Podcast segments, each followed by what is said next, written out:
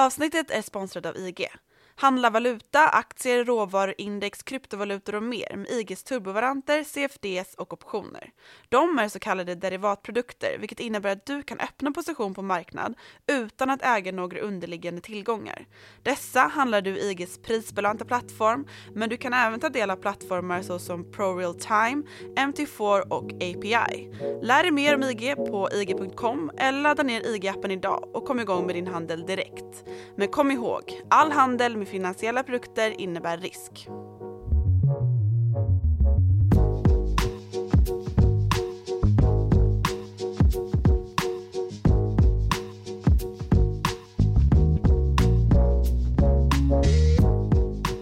För västs räkning var vaccinframgångarna nära på redo för skörd med en återhämtning i full gång under hösten 2021. Samtidigt som en ny våg med farligare och mer smittsamt virus träffade det södra halvklotets låginkomstländer. Kritiken mot det norra halvklotets hamstring av vaccin spred sig samtidigt som läget förvärrades för de sämre ställda i takt med att pandemins epicentrum flyttade. Istället för Wuhan, Lombardiet, New York i första vågen och Rio de Janeiro och New Delhi i den andra kom nyhetsreportagen om sinande lager av syrgas och sjukvårdskollaps från Nairobi och Jakarta. Och från statistiken formulerades den sorgsamma idén om att det som brutit ut inte skulle kallas något annat än ett vaccinapartheid.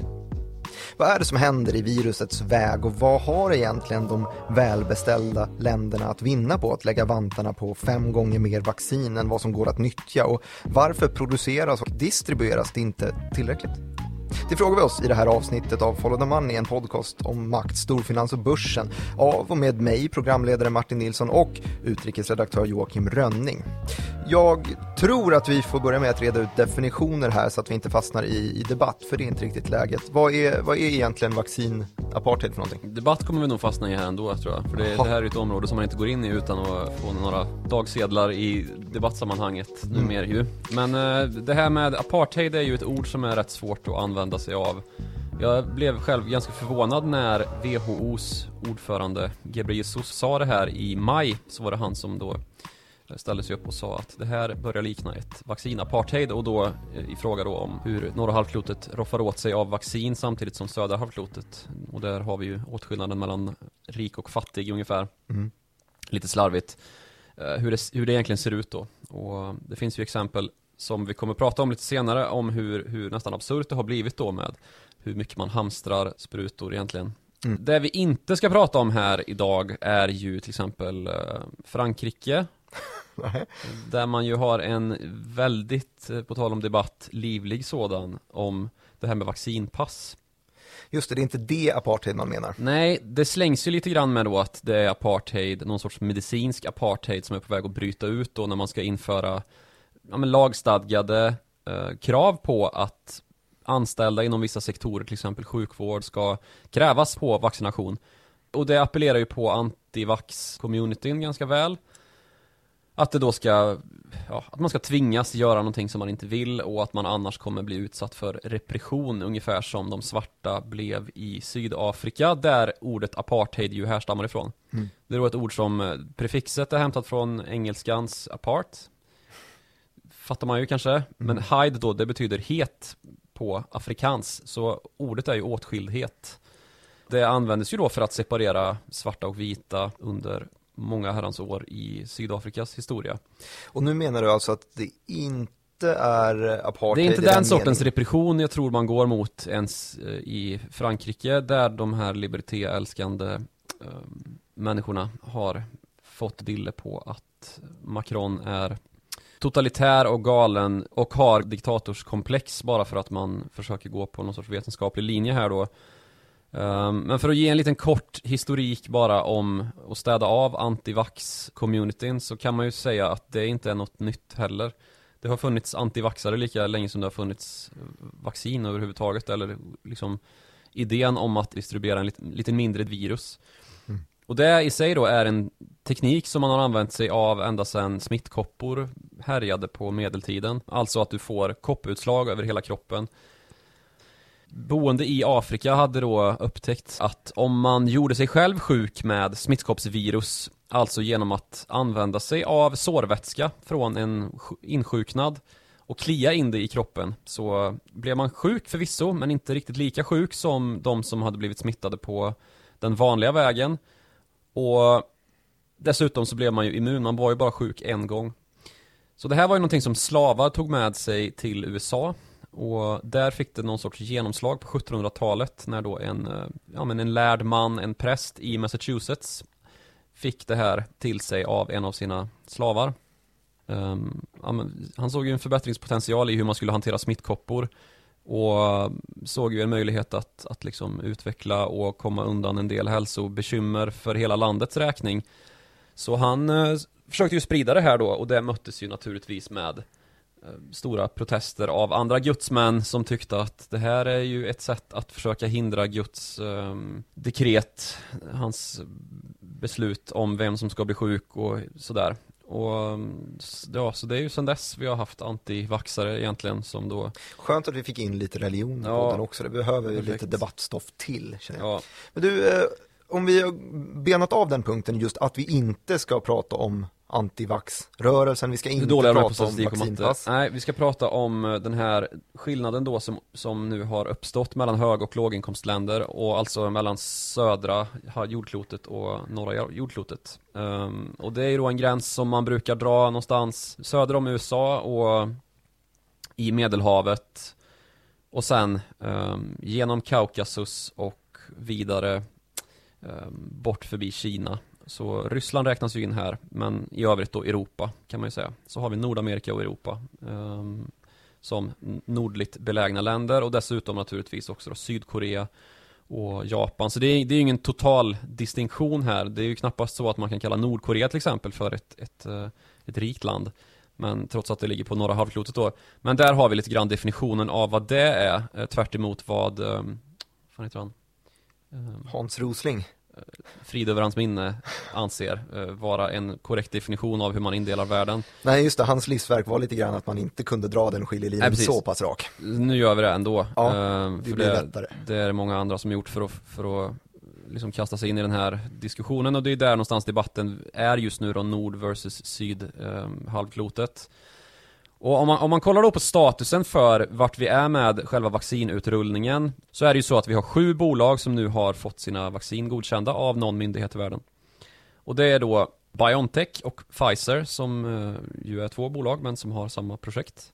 Vi har AstraZeneca Johnson Johnson Moderna Vi har Sinovac i Kina och vi har Sputnik 5 i Ryssland.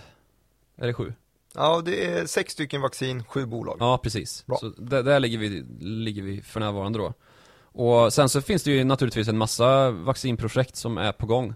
Det är en, en hel rad. Men det har ju ramlat in ett par olika bolagsnyheter om det vi ska snacka lite bolag i den här podden. Ja, absolut. Kan vi, eh, vi fick en nyhet i, vi spelar in det här på en tisdag, vi fick nyhet i, uh, igår, i måndags, om uh, Expression och Bavarian, mm, två stycken danska Biotech. bolag. Precis, uh, som då hade fått um, OK från EU-kommissionen att eh, bli Ta emot försörjda av, uh -huh. ja exakt, var 800 miljoner? Staten.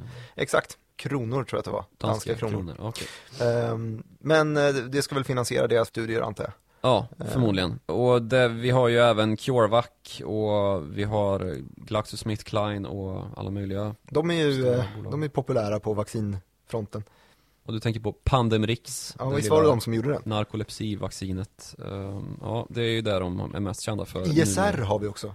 Just det. ISR är ju ett sånt bolag som man uh, har fått upp ögonen på i småspararkretsar lite grann kring deras inhalationsvaccin. För det, det kan ju vara ett sätt att distribuera vaccin lite smidigare, särskilt i låginkomstländer. Och mm, som sagt på södra halvklotet där det kanske är lite, ja, det är väl inte rakt så, men det bor en större andel befolkning i, i varmare klimat än vad vi gör på norra halvklotet. Där det kanske är lite lättare då att, att distribuera vaccin som behöver 70 minusgrader för att uh, kunna transporteras och inte, Just inte förgås. Just det, det var ju uh, Pfizer-vaccinet ja, som Ja precis, det är ju lite besvärligt det där. ISR då ska man kunna använda sig av en, ja, men inhalation och jag vet inte om det är nässpray eller om det är en, en uh, inhalator rent av. Men något form av eh, pulverform i alla fall kanske. Ja, och det här, det här, är ju, det här är ju en distributionsmetod som finns, men inte hittills då för covid-vaccin. Eh, ja men det, det, det är coolt att man har kommit igång med studier där och på ISRs eh, Men alla de här vaccinerna, det, de ISRs sista, sista som vi rabblade upp är då inte godkända än men Nej, är, precis. på gång. Men det, det kan ju känneteckna att det finns ju massvis med projekt här. Ehm, och problemet för närvarande med det här då att vissa länder har hamstrat en massa vaccin, andra länder har inget vaccin alls i princip, är ju då produktionen, att vi har för lite produktion i världen. Mm. Och då tänker man, men allting går väl för fullt? Alla som kan producera vaccin just nu gör väl det? Och de pro- producerar väl just de här vaccinen mot covid? Så är det ju tyvärr inte. Eh, Det finns ju en massa problem här och många av de problemen rör eh, intellectual property, alltså immaterialrätt och teknik, alltså att en del av de här vaccinen har då utvecklats med en teknik som i sig är nyutvecklad, som kallas för mRNA-teknik. Och det saknas helt enkelt kompetens för att framställa vaccin som har utvecklats med mRNA-teknik i eh, många fabriker i världen. Så det, det är absolut inte så att alla eh, länder som har vaccinfabriker kör dem på, på, på full skala liksom. Ja, det är klassiska kapitalistiska mm, problemet där, att man har investerat väldigt mycket tid och pengar på eh, säkerhetsklassade labb i exempelvis Wuhan för att utveckla tekniken. Ja. Eh, och då när man har lagt ner alla de här åren på att forska på det så vill man inte bara ge bort det för att det råkar vara en kris. Det, eller vad är för och emot, mo- emot egentligen på IP-sidan? Ja, det, det är ju så här då att allt det här vilar på ett avtal som, som eh, kallas för TRIPS. Och det står då för Trade Related Aspects of Intellectual Property Rights och är ett avtal som man har skrivit under i Världshandelsorganisationen, alltså WTO. Och nu har då Sydafrika och Indien som är lite grann av världens apotek, det brukar man ju kalla framförallt Indien för att all, alla läkemedel i princip tillverkas där. De har då föreslagit att man ska göra ett undantag från den här regeln, men så är det flera länder då som sätter sig till motvärn och de länderna består av då EU-länderna, Storbritannien, Schweiz, Norge. Så det är ju några halvklotsländer alltihop. Mm. USA har precis backat från tidigare, eh, stått bakom samma idé då, att vara emot det här med att slopa eh, immaterialrätter på vaccin. Och det är ju alltså möjligheten att skriva lite lösare licenser så att fler kan tillverka Just det. och de som vill slopa då patenten, de hävdar att det, det råder ju så exceptionella omständigheter just nu. Läkemedelsbolagen har ju dessutom erhållit ganska mycket statliga stöd för att kunna utveckla vaccinen. Och ett slopande av patenten kan helt enkelt leda då till att vi får en snabbare återöppning av samhällen och att ekonomier kan komma igång igen och att man kan fortsätta dra upp folk ur fattigdom istället för att skicka ner dem i den. Mm. Ungefär 30 miljoner afrikaner till exempel har halkat under fattigdomsgränsen här under det senaste året. Det är tre svenska befolkningar som plötsligt lever på mindre än 17 kronor om dagen. Så det här har ju verkligen krossat en hel del fattigdomsbekämpning i, i framförallt subsahariska Afrika och där vi har den största koncentrationen av just det. Sen så har vi då de som är emot att slopa patent och det handlar då om att man menar att det hämmar innovation och krossar en del viktiga incitamentstrukturer för att utveckla vaccin i framtiden och att det då kommer leda till en trögare pandemihantering i, liksom, ja, men i ett framtidsscenario. Mm. Och, och att det dessutom inte löser det här produktionsproblemet att dra tillbaka den immateriella rätt som finns då för den som har utvecklat vaccinet, ehm, alltså läkemedelsbolagen, Big Pharma. Mm. Och det här kliar ju såklart i ögonen på många och det blir lätt att dra konspirationsteorikortet att det är ju så här Big Pharma fungerar. Men samtidigt så är det ju nästan parodiskt hur rätt man har haft om man har sagt just det innan en pandemi. Att det skulle ju leda till att man befäster ställningarna för Big Pharma-bolagen och att de kunde utvidga sin makt.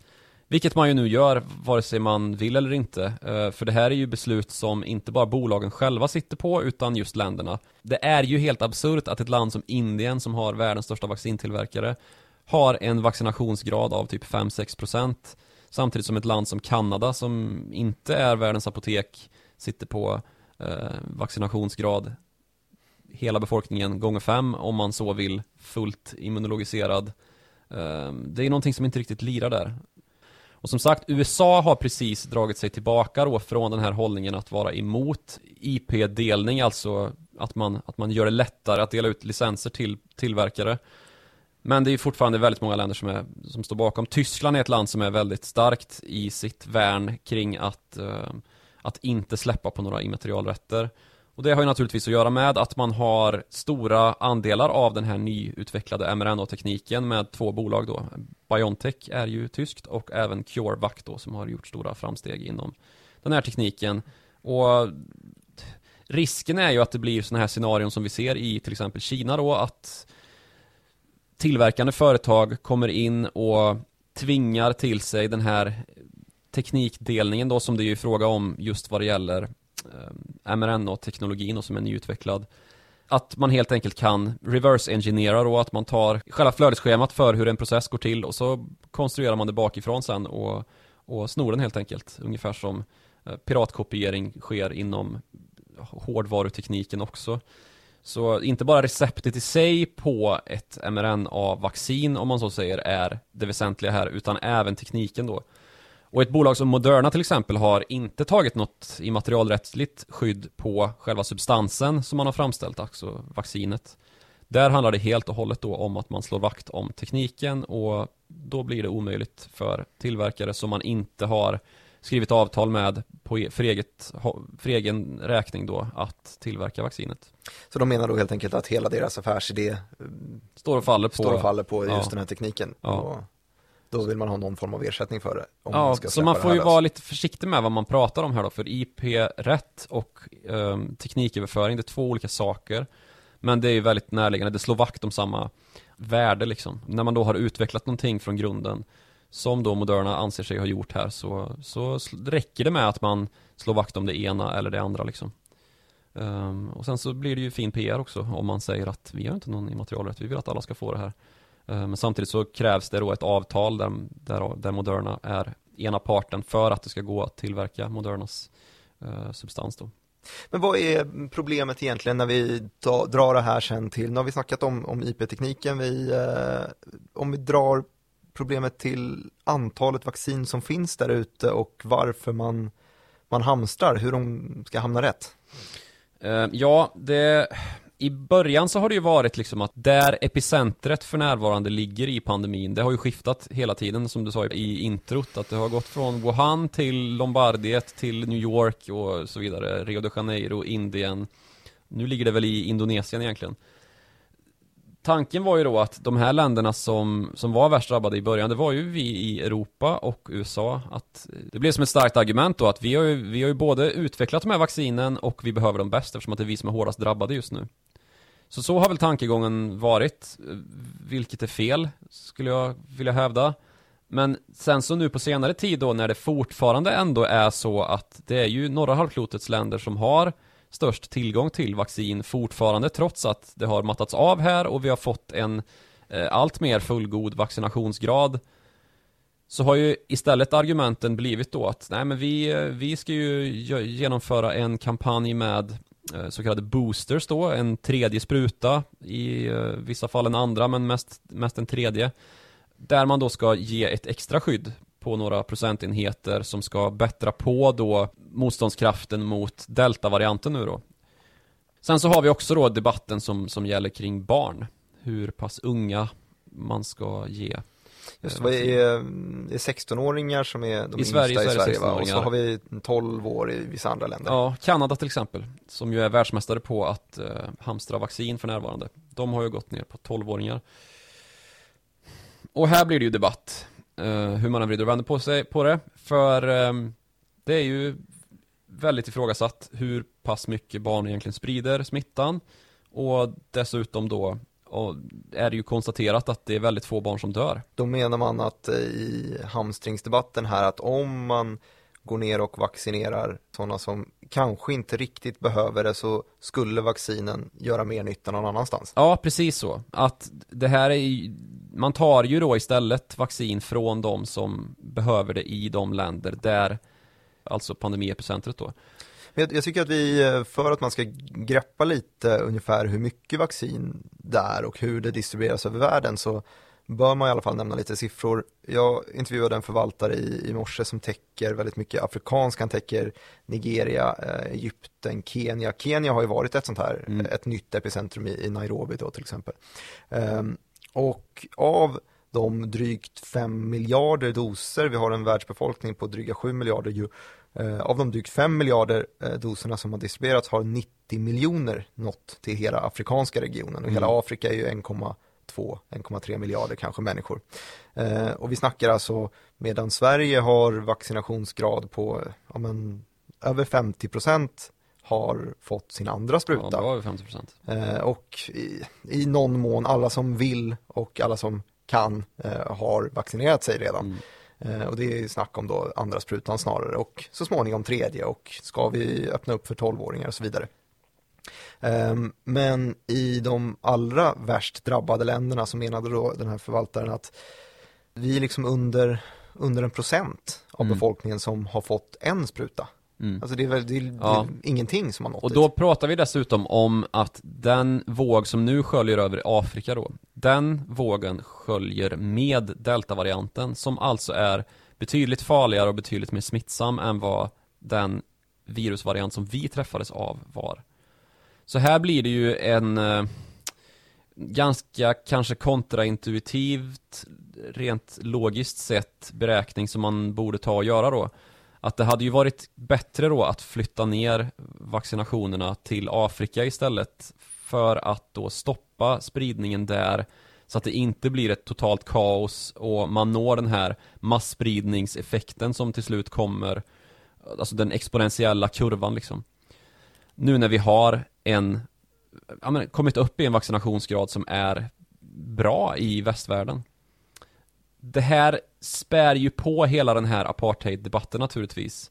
Att det blir så synligt då hur vi ganska så huvudlöst övervaccinerar oss. Och det finns ju idéer då om att man kanske borde ha gjort utredningar i större skala än vad man gjorde i själva vaccinutvecklingen. Nu var det ju fokus då på att det skulle vara snabbt att utveckla och det skulle vara säkert och det, det skulle ge en god effekt. Nu har man ju fått fram vaccin med extremt bra effekt på väldigt kort tid.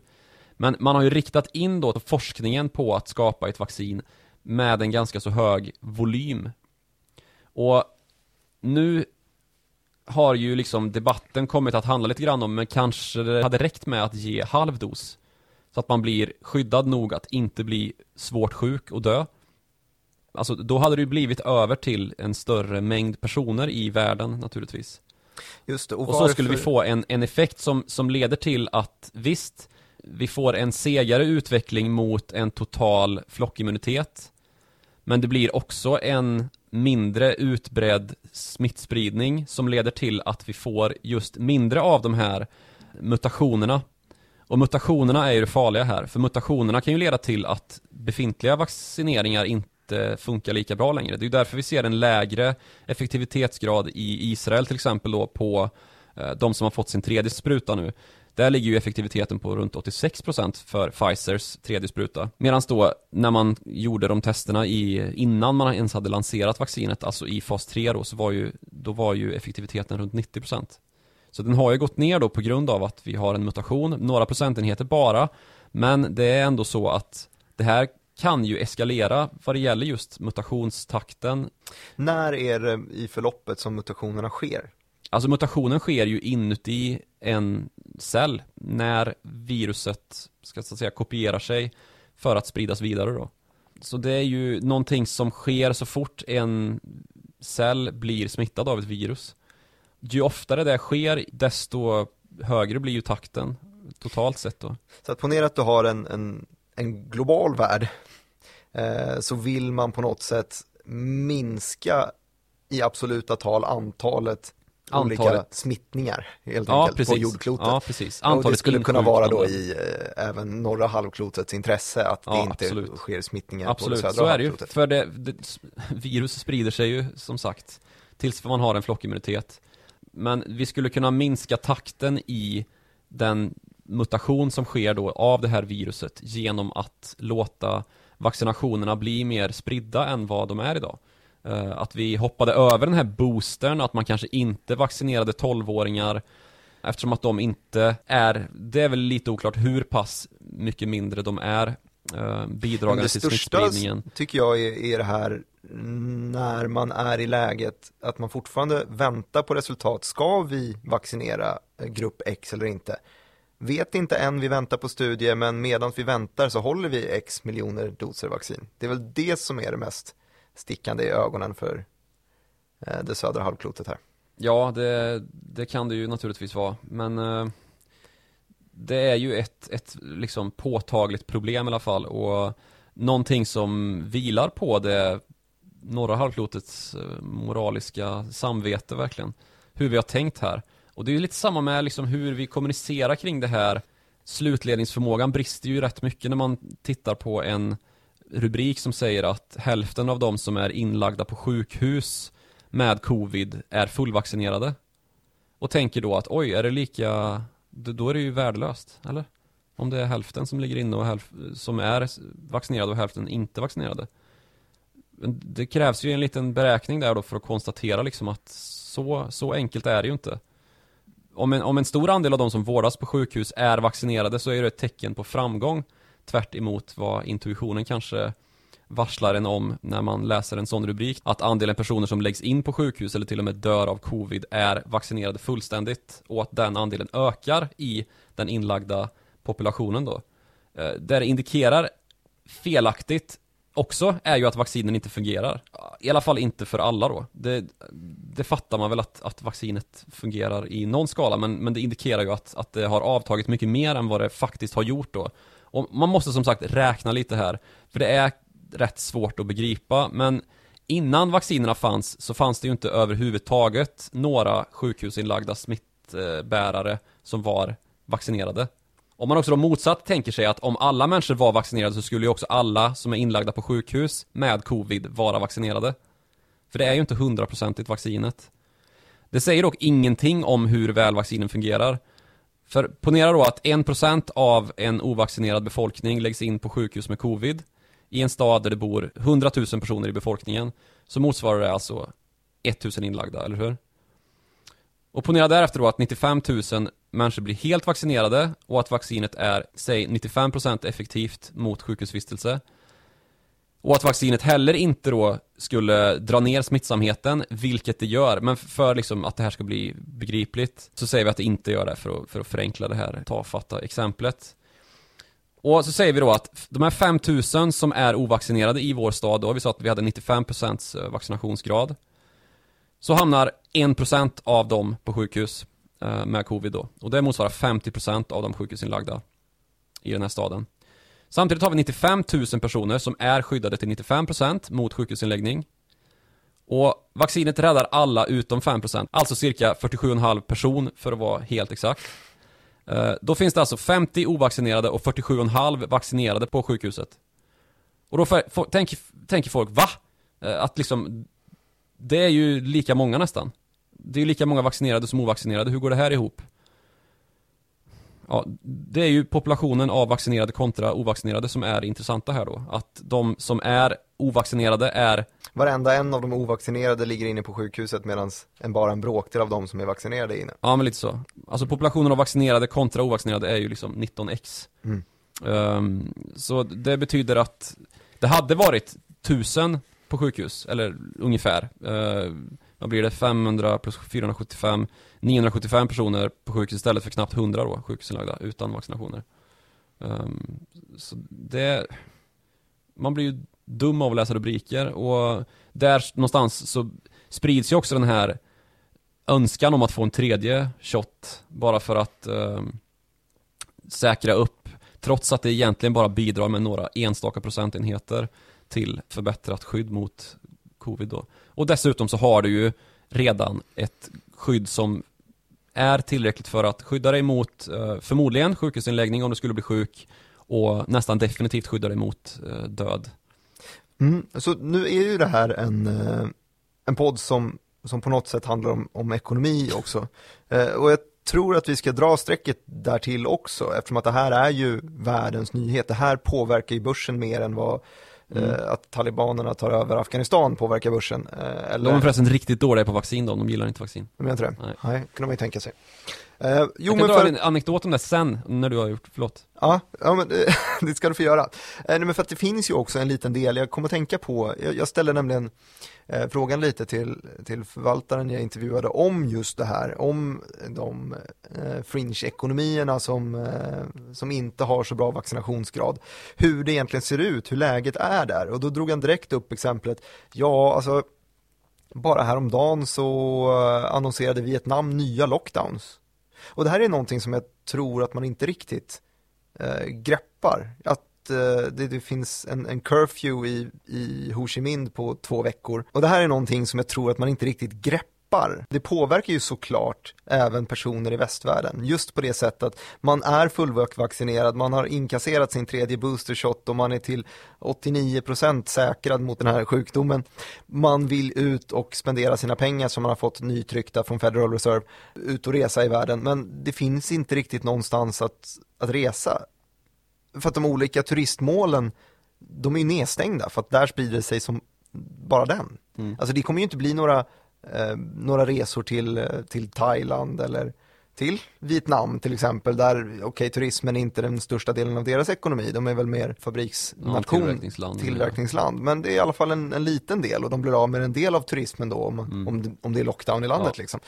Absolut, och det påverkar ju inte bara via turism utan om man går till, till exempel då ner till Vietnam eller till eh, närliggande Malaysia um, Där har vi ju precis en nyhet om att landet då har infört nya restriktioner på grund av en ja, men kraftig våg och det är ju närliggande till Indonesien så det är väl inte så konstigt. Mm.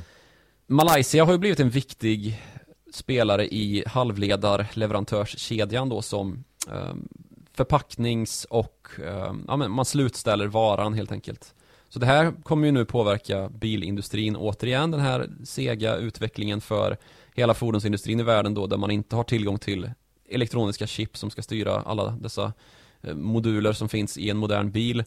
Och då är det bolag som eh, har sitt säte här i Europa, ST Microelectronics, NXP Semiconductors och Infineon till exempel, nederländska och tyska bolag som helt enkelt inte får hem sina chip för att det saknas en del i leverantörskedjan. Så så skört är det ju liksom att ett virusutbrott som pågår i en helt annan del av världen påverkar ekonomin i Europa och till, syn, till syvende och sist även i Sverige och Göteborg där Volvo Cars får stänga ner och ja, det, det här är liksom inte så att eh, vi sitter här och orerar i någon sorts utilitaristisk eh, omvärldsbevakande hållning som är eh, sjukt PK utan faktiskt också en väldigt realekonomisk situation som man måste förhålla sig till och som vi är rätt dåliga på när vi läser rubriker och där länder som Kanada fattar beslut om att fan vi köper på oss ordentligt med vaccin nu. Um, för det här kan ju, vi vet ju inte vart det här ska landa. Och så ha, sitter man helt plötsligt med Alltså Kanada är värst i världen, de sitter på fem gånger så många vaccin som det går att vaccinera hela befolkningen med. Alltså fullvaccinerade gånger fem. De är ju eh, 35-40 miljoner där, så då, då dubblar de ungefär så många doser som eh, hela Afrika har fått då. Ja. Det är ju fräscht. Fräscht. Kan man tycka. Um, så, så det här är, och det, alltså USA och um, Storbritannien är inte så långt efter heller Ehm, samtidigt som vi har länder som Sydafrika och Indien då som verkligen vill riva upp det här med IP eh, Alltså inte riva upp fullständigt det här beslutet då, TRIPS från 1995 som, som då stiftades i WTO, det vill man ha ett undantag ifrån. Och nu till slut då så har man fått stöd av ehm, USA om då att ge just det här undantaget på, på vacciner och släppa det fritt i princip så att ja, men alla tillverkningsfaciliteter verkligen kan utnyttjas så att det inte blir den här vaccindiplomatin som ju har brutit ut nu liksom. Där länder köpslår och där det här Covax som man använde i FN då som ett organ som skulle bidra till att ge en jämn utrullning av vaccin i hela världen just för att tillse den här komplexiteten som vi försökte förklara här med att ingen är skyddad förrän alla är skyddade ungefär. Det har ju misslyckats totalt. För det har ju blivit en ska man säga, en samverkansfunktion där man försöker få eh, länder att ta del av samma partier och just portionera ut liksom i maklig takt till samtliga inblandade. Men det här har ju blivit någon sorts biståndsorgan bara. Och som sagt, det är ju totalt nederlag och titta på hur liksom någon procent av världens totala vaccintillgång har tillfallit en region som Afrika. Som ju dessutom är så pass skör vad gäller just fattigdom då. Det här är ju någonting som kommer befästa de klyftor som redan finns i världen. Och det kommer hämma den ekonomiska återhämtning som där den hade behövts som allra mest då för de, de som bor där. Eh, för det, det är ju också en sån poäng som man har gjort många gånger att Visst, det har varit tufft. Det är många människor som har dött även i, i våra länder här uppe på norra halvklotet. Men livet går sin gilla gång liksom. Nu tycker man ju mest att det här är jävligt trist. Vi kommer inte reagera förrän en gamma variant hoppar upp och Ja, gamma är redan förbi men ja Epsilon, precis. vad har vi för bokstäver? Nej, vi har nog gått igenom hela grekiska alfabetet nu men Det kommer väl eh, Kyrilliska alfabetet Gamma på deltat som kanske tar oss Nej men det kommer alltså befästa de klyftor som redan finns och när klyftor befästs och det råder den här typen av utveckling i världen som vi ser just nu med återfallande, både extrem och, ska man säga, lindrig fattigdom då men ändå under den fattigdomsgräns som, som FN har satt upp så blir det också destabiliserande Um, och det blir som mest destabiliserande i sådana här länder då som vi pratar om uh, länge och gärna. Kongo till exempel som ju är mitt uh, favoritland, typ alla kategorier.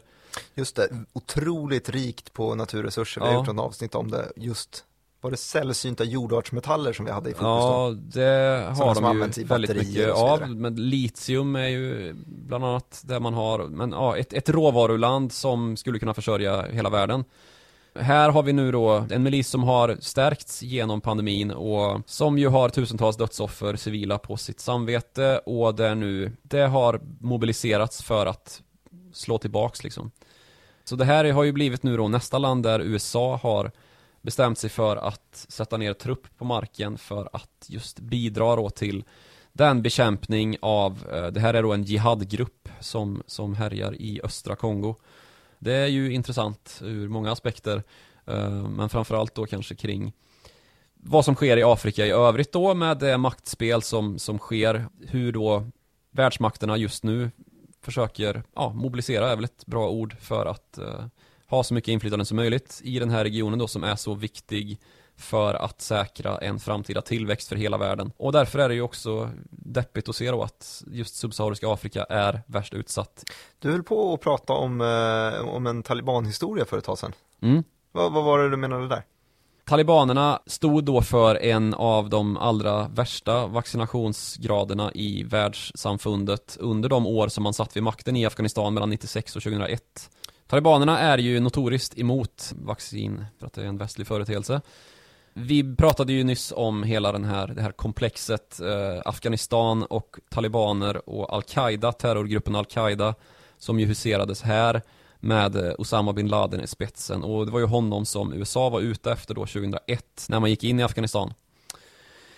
Det dröjde ju 10-11 år innan man lyckades få tag på honom och då fick man ju inte tag på honom i Afghanistan ens utan i Abbottabad i eh, grannlandet Pakistan ju. Mm. Och det man gjorde här då var att man i själva rekognoseringen av den det hus där Osama bin Laden levde och hade sin familj det var att man, man nyttjade sig av förklädd medicinsk personal som gick in i det här uh, compoundet där Osama bin Laden bodde, eller ja, man ringde på och bad om att få vaccinera, jag tror det var för hepatit B, så man skulle få nålstick då och kunna använda den. DNA från barnen som, som man fick därifrån till att jämföra med och ta reda på om det verkligen var Osama bin Laden som var inne i den här byggnaden och som bodde där. Det misslyckades och det läckte naturligtvis till slut ut att eh, man hade använt medicinsk personal på det här sättet och sedan dess så har ju vaccinationsgraden i Pakistan och Afghanistan gått ner. Man har helt enkelt slutat lita på, hälsovårdspersonal då, att man är egentligen ute i något annat ärende det var ju rätt. Det var ju Osama bin Laden och man åkte ju dit kort senare och sköt honom i ansiktet och blev av med honom. Men eh, det är väl inte så mycket som talar för att, eh, att Afghanistan kommer bli särskilt mycket bättre på det planet. Nu har det ju varit väldigt bra eh, från 2001 och framåt då eftersom att det har varit ett stort västerländskt inflytande. Men det är ju risk att det kommer falla tillbaka och att vi kommer få se nya epidemier spridas i både eh, Afghanistan och i Pakistan då. Där det också finns talibaner för den delen. Och den Det är beklagligt att det här sker så pass tätt in på en, en faktisk eh, pandemi. Ja, eh, kan man ju säga. För jag gissar att det här, men om du säger hepatit och polio och sådana här standardgrejer man brukar Mm. vaccinera mot, det är väl det man, eh, Ja, man precis. kämpar mot Ja, precis. Det, det är ju inte så att man inte, har... inte covid 2012. Nej, det är inte covid 2001 till 2021. Men eh, det är också då intressant ur ett, ur ett rent geopolitiskt perspektiv att det här med pandemier tycks ju ha blivit en del av världspolitiken även på lite längre sikt. För jag vill nästan ändå hävda att det kanske finns en eh, räv bakom örat eh, i Pentagon eller Vita huset eller vad man nu har fattat det här beslutet om att om att gå in och hjälpa Felix Tshisekedi som Kongos, eh, Demokratiska republiken Kongos president heter med att driva ut de här jihadisterna. Det är ju också då att eh, Demokratiska republiken Kongo är ett epicentrum för ebola-utbrott lite nu och då. Och ebola är ju en, ja det var väl det senaste viruset som var nära att urarta i epidemi och pandemi då. Och Det spreds ju på vissa, ja, över flera kontinenter med konstaterade fall i både Nordamerika, Afrika och eh, ja, över hela världen helt enkelt. Och det är ju ett mycket dödligare virus än vad, än vad SARS-CoV-2 har visat sig att vara hittills i alla fall. Så jag kan nog tänka mig att USA försöker att stärka sin geopolitiska ställning i Kongo för att då kunna bidra mer till att stävja framtida virusutbrott av annat slag än covid. Nu är det ju långt kvar tills man har kommit till rätta med covid i, i eh, Demokratiska republiken Kongo som är för närvarande världens minst covid-vaccinerade land med 0,1% av befolkningen. Det här blev ju ett, eh, ett deppigt avsnitt. Ja, det är de vill ha bäst. Ja, det är väl så. Eh, ni får gärna berätta vad ni tycker och det gör man då det bäst på followthemoney.direkt.se heter mejladressen, man når oss också på Twitter, följ oss gärna där. Utrikesredaktören eh, heter snabel Joakim Ronning? Stämmer. Och jag heter snabel direkt Martin. Det går också jättebra att kommentera på YouTube om ni hittar oss där. Så kan man skriva en recension på iTunes. Ja, det gillar Det var länge sedan jag bad någon om det, men det vill Ja. jag gärna göra nu. Ja, gör gärna det och eh, lyssna gärna på oss igen nästa vecka. Ge ett betyg också på iTunes. Eller Acast-appen, det har jag gjort nu. Ja, ja, ja. veckan. Shh, shh. Tack så mycket för att ni har hängt med den här veckan. Vi hörs om en vecka.